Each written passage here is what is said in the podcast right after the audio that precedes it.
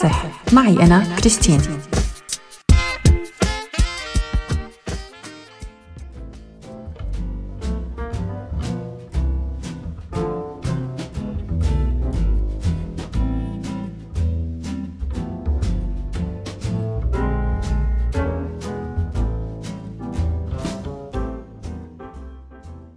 مرحبا معي أنا كريستين بصحصح. فقرة اليوم عن الحب وشو هو الحب؟ الحب كان دائما موضوع للفلاسفة والشعراء بس اليوم هو علم عم يتناول المشاعر وقضايا الحب.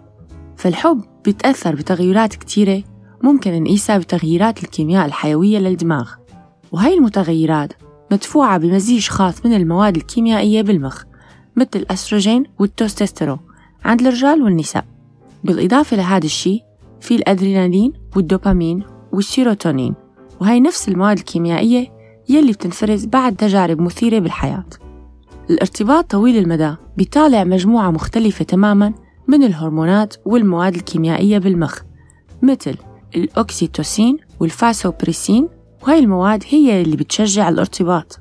المثير للاهتمام إنه الأوكسيتوسين له اسم تاني ما علمي هو هرمون الدلال وهو الهرمون يلي بيخلق الرابط بين الأم والطفل.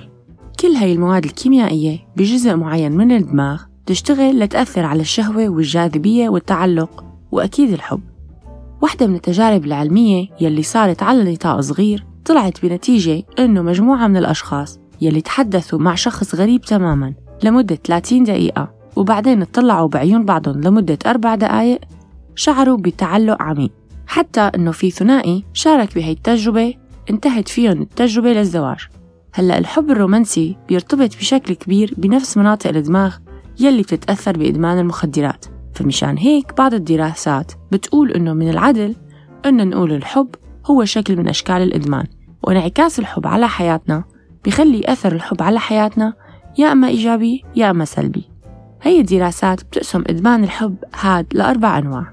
الأول هو مدمني الرومانسية وهدول يطلق عليهم اسم المستكشفين ويلي بيتحكم فيهم بشكل كبير نظام الدوبامين بالدماغ والمستكشفين هدول هن مدمنين على الأدرينالين وعلى الإثارة والمغامرات والتجديد. وهذا الشيء بخليهم دائما ببحث مستمر عن الاندفاع ويمكن الارتباط بعلاقات جديدة. النوع الثاني هو مدمني الارتباط وهدول بيحكمهم السيروتونين بشكل كبير وهدول بالعادة حذرين وتقليديين بحبوا يتمسكوا بالخطط والجداول الزمنية. إدمان الحب عندهم بيخليهم صامدين بعد فترة طويلة من العلاقة. النوع الثالث هو مدمنين مشاعر متطرفة وهدول بيسيطر عليهم التستوستيرون ومن المحتمل إنه يصيروا مدمنين على التطرف بالمشاعر والفوضى ممكن تسيطر الاضطرابات على علاقاتهم. إذا رفضوا من الشريك. مدمني اليأس واللي بيسيطر عليهم الأستروجين والأوكسيتوسين بتميل هاي الفئة من الأشخاص وإدمانهم بيتجه للتضحية بالنفس مشان الآخر. طبعا هاي النماذج هي نماذج نمطية وممكن كل هاي الهرمونات تندمج عند شخص معين وتتغير نسبها عند شخص تاني. وهي الهرمونات بتتغير مع العمر ومع الخبرة وكتير عوامل تانية. وانتو يا ترى شو نوع الإدمان الحب تبعكم مستمعينا؟